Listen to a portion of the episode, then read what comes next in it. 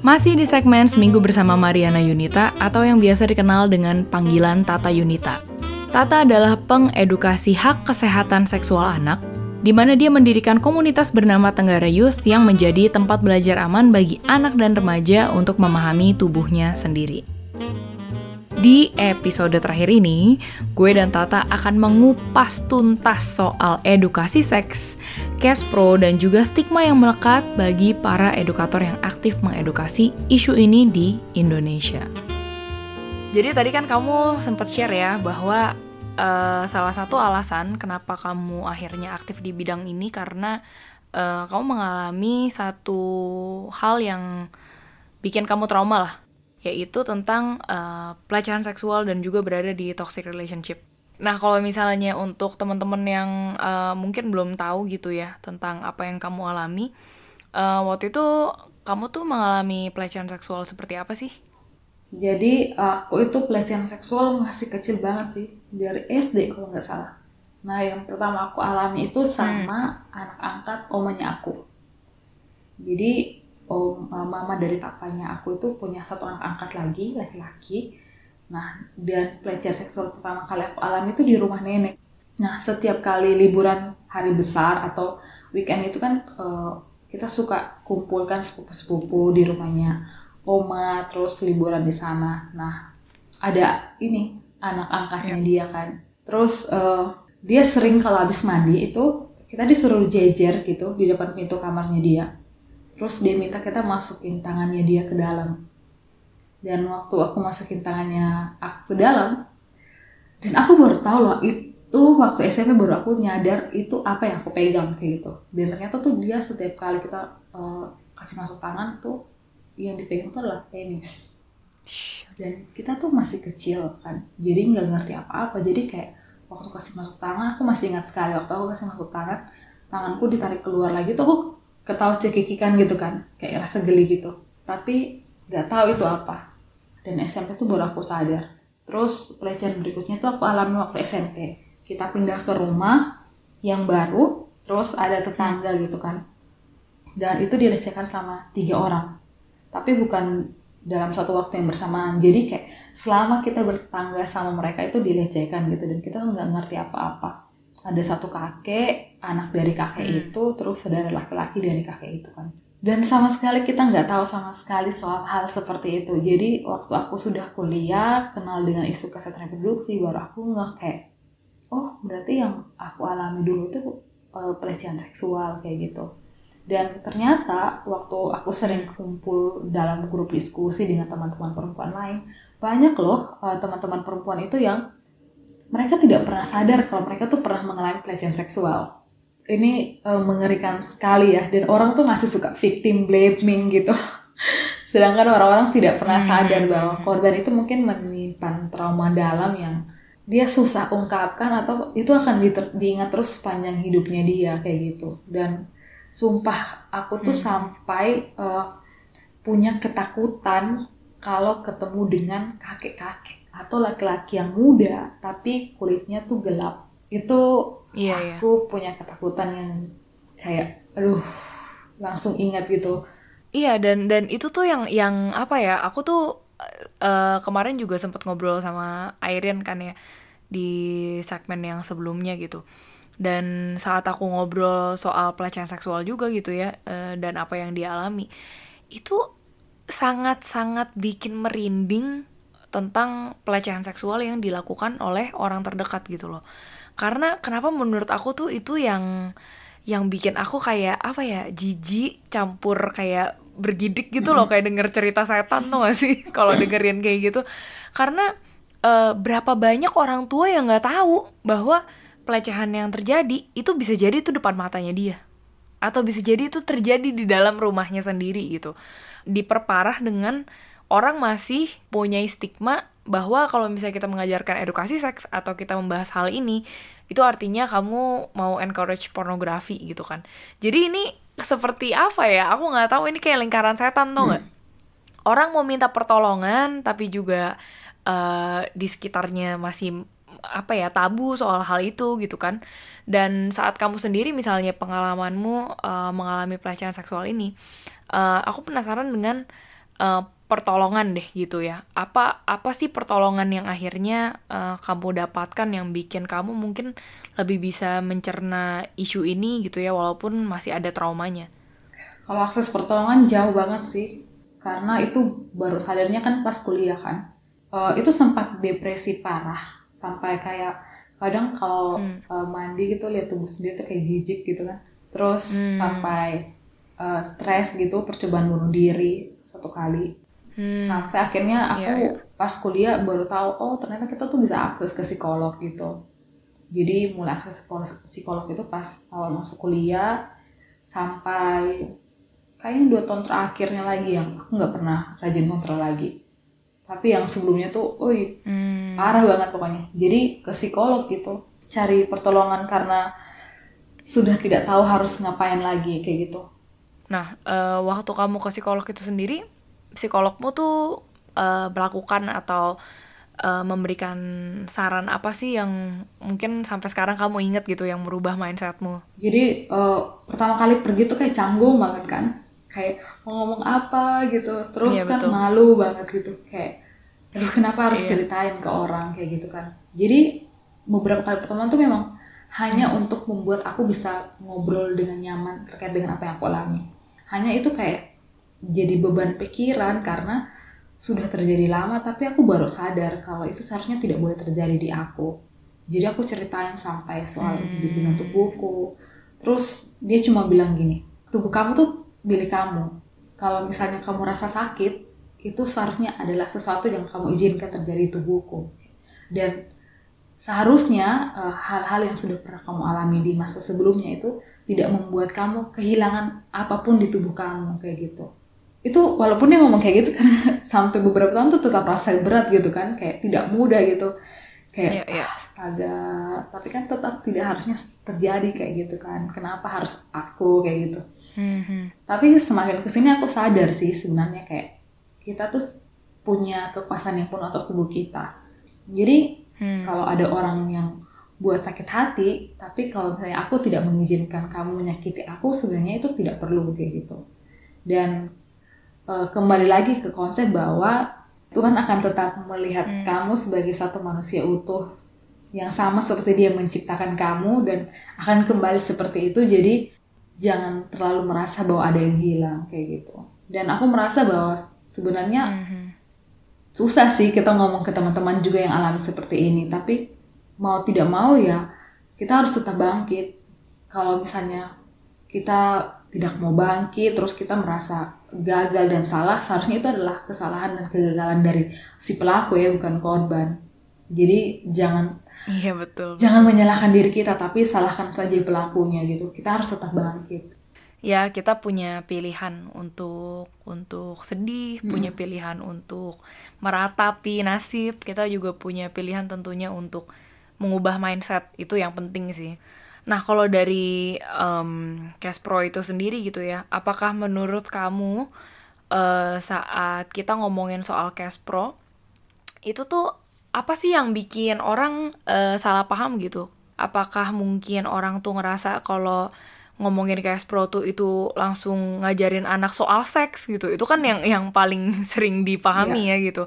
Tapi sebenarnya apa sih pengajaran cash pro itu sendiri yang mungkin cara praktisnya yang bisa dilakukan di rumah atau misalnya kita ceritain ke adik-adik atau uh, keponakan-keponakan kita yang masih kecil gitu. Kalau teman-teman sering searching atau Google tuh kan sering lihat kata pendidikan komprehensif, seks edukasi kan.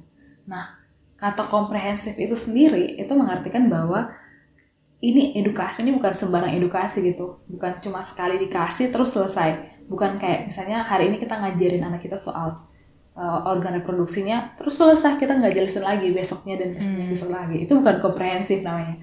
Itu cuma nyari celah buat ngobrol sama anak mungkin. Kenapa uh, edukasi komprehensif ini bagus? Karena dia ngasihnya nggak sekali tapi sepanjang seumur hidupnya orang itu hmm jadi selama dia mengalami proses seksual, seksualitas, ya selama itu juga dia dikasih pendidikan komprehensif soal seks edukasi atau kespro ini. Yang kedua, itu dikasih berdasarkan yeah, efek yeah, umur. Yeah, yeah, yeah. Umur.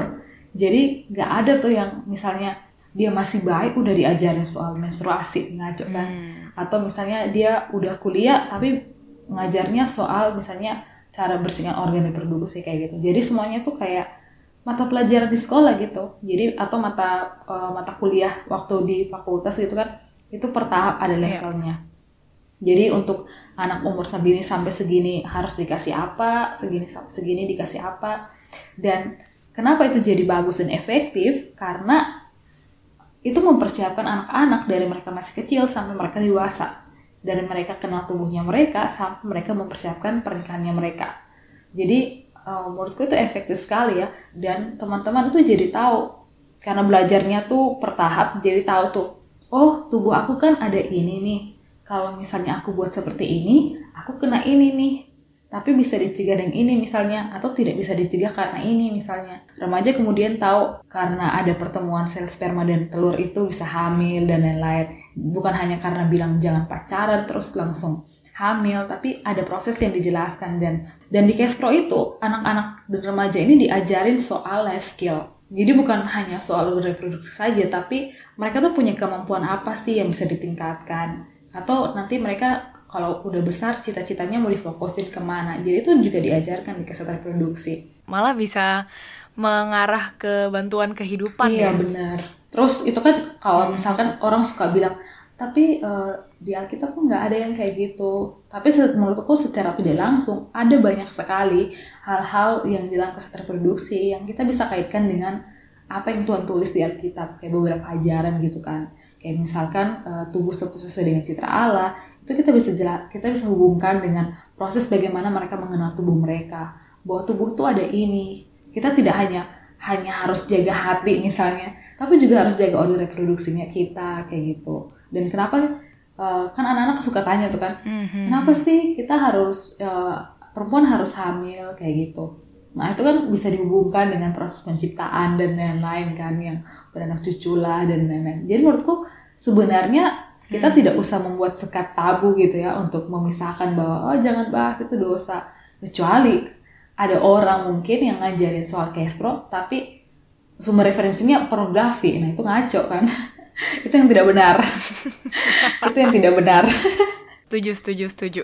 Karena kalau ngomongin soal pro ya pendidikan awalku ya pornografi. Itu sih SD lah gitu kelas 4 atau 5 temanku itu yang punya kakak-kakak udah lebih besar udah SMA nah itu kan udah lagi bandel-bandelnya tuh kan. Dan biasalah ketemu lah VCD porno dan segala macemnya. Dan kita belajar dari sana gitu loh. Kita pikir itu menyenangkan. Maksudnya lucu ya berasanya kayak weh bandel-bandel-bandel gitu tapi punya referensi pornografi sebagai edukasi seks tuh apa ya? Impactnya ke aku gitu. Dan aku baru menyadari loh bahwa seumurku segini yang aku sudah sudah sudah dewasa gitu aku malah mikir bahwa oh kalau misalnya hubungan seks itu selalu tentang orgasme. Karena itulah hmm. yang diberikan di pornografi kan bahwa ya seks tuh harus se nafsu ini harus semenggebu-gebu ini harus se fleksibel ini gitu kayak bisa kayang atau apa pun itu gitu loh. Dan kita manusia-manusia awam yang bukan porn stars ini jadi jadi minder kan ya diranjang gitu kan. Itu yang itu yang aku rasakan sih impactnya kayak hal lainnya gitu yang aku juga sadari ya betapa bodohnya aku karena dapat referensi pornografi. Aku itu pikir kalau Uh, perempuan itu kan ada tiga lubang ya uh, lubang untuk pipis lubang untuk vagina gitu kan ya yang untuk penetrasi sama uh, lubang pantat ya untuk untuk ee gitu. Aku inget waktu itu aku udah umur 26 ya atau 27. Terus uh, teman buleku di Australia tuh memperkenalkan menstrual cup ke aku. Terus uh, aku bilang, "Loh, ini kalau pakai menstrual cup gimana caranya kan gede banget pokoknya ya biasa lah ya kayak stigma-stigma yang kamu punya soal menstrual cup. Terus uh, udah dijelasin terus aku udah lebih tenang oh gitu cara pakainya bla bla bla bla. Terus ini nih pertanyaan yang akhirnya menguak kebodohanku gitu. Aku nanya sama temenku loh kalau pakai menstrual cup nanti kencingnya gimana? Aku bilang gitu. Mereka semua shock dan yang ngajarin ke aku tuh cowok. Temen buleku ini ketawa terus ngomong Asian parents will never teach their kids about sex and reproduction. Terus aku ketawa. Habis itu dia bilang, uh, jadi lu nggak tahu ya kalau misalnya perempuan itu punya lubang yang beda. Jadi lubang lu keluar darah sama lu lubang untuk keluar pipis itu tuh beda. Terus habis itu aku baru tahu dan akhirnya dia geleng-geleng kepala terus dia bilang, I will never forget this moment. Jadi itu juga jadi momen yang tak terlupakan untuk aku ya. Aku udah nikah aku udah udah umur 26 atau 27 tapi baru tahu gitu bahwa lobangku itu ada tiga. Kan maksudnya separah itu ya. Dan itu dialami juga oleh teman-teman remaja lain loh. Bahkan sampai sekarang itu mereka tuh suka uh, tidak tahu uh, bahasa yang benarnya soal organ reproduksinya. Kita pernah penelitian gitu kan di satu SMP kan. Nah aku wawancara satu adik perempuan gitu Terus aku nanya, hmm. kamu tahu tidak organ reproduksi perempuan itu disebut sebagai apa? Aku lupa istilahnya apa gitu, pokoknya istilahnya aneh gitu kan. Terus aku bilang, e, ini siapa yang ngajarin? Terus dia bilang, mama. Sejak kapan? Terus dia bilang dari kecil. Jadi selalu diajarin si mama, anggaplah katanya pipit lah gitu ya. E, nama ini namanya pipit. Terus aku bilang, kamu nggak tahu kalau ini namanya vagina dan ini vulva. Hmm. Terus dia bilang, enggak, kata mama ini dan itu menurutku aku shock lah.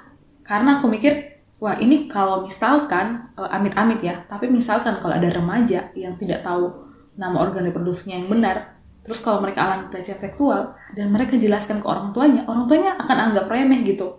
Kayak orang tua mungkin oh bunga dipegang sama om ini kayak hmm. gitu kan. Oh tadi misalnya sayur dipegang sama om ini tapi oh mereka nggak tahu kalau ternyata organ reproduksi si anak gitu kan yang dipegang dan terkait yang pornografi itu juga itu membuat aku dulu punya bayangan bahwa oh nanti uh, bentuk vagina sama vulva perempuan gitu ya mulus halus gitu. Mulus gak ada rambut. pink gak ada bulu. Iya itu iya benar kan? Jadi aku sempat shock waktu puber. Itu kan dan ternyata kok ada rambut kayak gitu. Ini keanehan ya, apa yang muncul di tubuhku? Dan kalau di teman-teman laki-laki itu kan soal uh, ukuran penisnya mereka yang tidak sama seperti yang mereka nonton di pornografi. Bener, Jadi mereka bener, mulai aneh. Padahal kan ada yang bengkok, agak pokoknya agak aneh lah bentuknya. Dan mereka selalu menganggap hmm. itu harus lurus, besar gitu. Warnanya harus uh, kinclong. Bahkan kan ada yang sudah iya, disunat mereka kaget kenapa bentuk mereka seperti itu. Jadi iya, iya. begitulah bahayanya saudara-saudara kalau nontonnya dari pornografi. Nah terus uh, berlanjut gitu ya tentang cash pro itu sendiri, uh, kamu mau bilang apa gitu untuk orang-orang yang mungkin masih punya pemahaman bahwa mengajarkan kesehatan reproduksi atau edukasi seks uh, itu dianggap sebagai pornografi. Nah kamu mau ngomong apa nih ke orang-orang yang masih ber berpendapat seperti itu gitu? Kalau menurutku uh, pendidikan yang hanya abstinence atau teman-teman hanya menakut-nakuti kita sebagai orang tua cuma mau, mau nakut-nakuti anak kita remaja kita itu tidak efektif sama sekali loh bapak dan ibu untuk membuat mereka uh, jauh dari perilaku berisiko misalnya hamil luar nikah misalnya aborsi dan lain-lain. Itu hanya membuat remaja itu semakin penasaran dan kemudian mencoba. Dan menurut aku dampaknya itu lebih besar lagi. Apalagi kalau misalkan komunikasi kita tidak efektif uh, remaja semakin takut dengan kita, remaja tuh semakin tidak mau terbuka dengan kita karena merasa bahwa uh, kita tuh kayak dalam tanda kutip ancaman kayak gitu. Jadi uh, mulai sekarang kalau kita sendiri sebagai orang tua belum pernah juga dapat pendidikan seperti itu, ayo cari tahu, ayo mulai belajar untuk kira dan mulai uh, praktik, ikut seminar dan lain-lain untuk bagaimana sih bisa membuka komunikasi yang baik dengan anak kayak gitu. Karena menurutku pendidikan yang keras itu tidak akan membuat anak lembut kayak gitu. Jadi jangan kasih pendidikan yang menakut-nakuti, tapi kasih pendidikan kesehatan reproduksi itu yang komprehensif. Niscaya anak-anak itu bahkan lebih dekat dan lebih mengerti dengan apa yang ada di tubuhnya mereka dan bagaimana mereka menjaga tubuhnya mereka.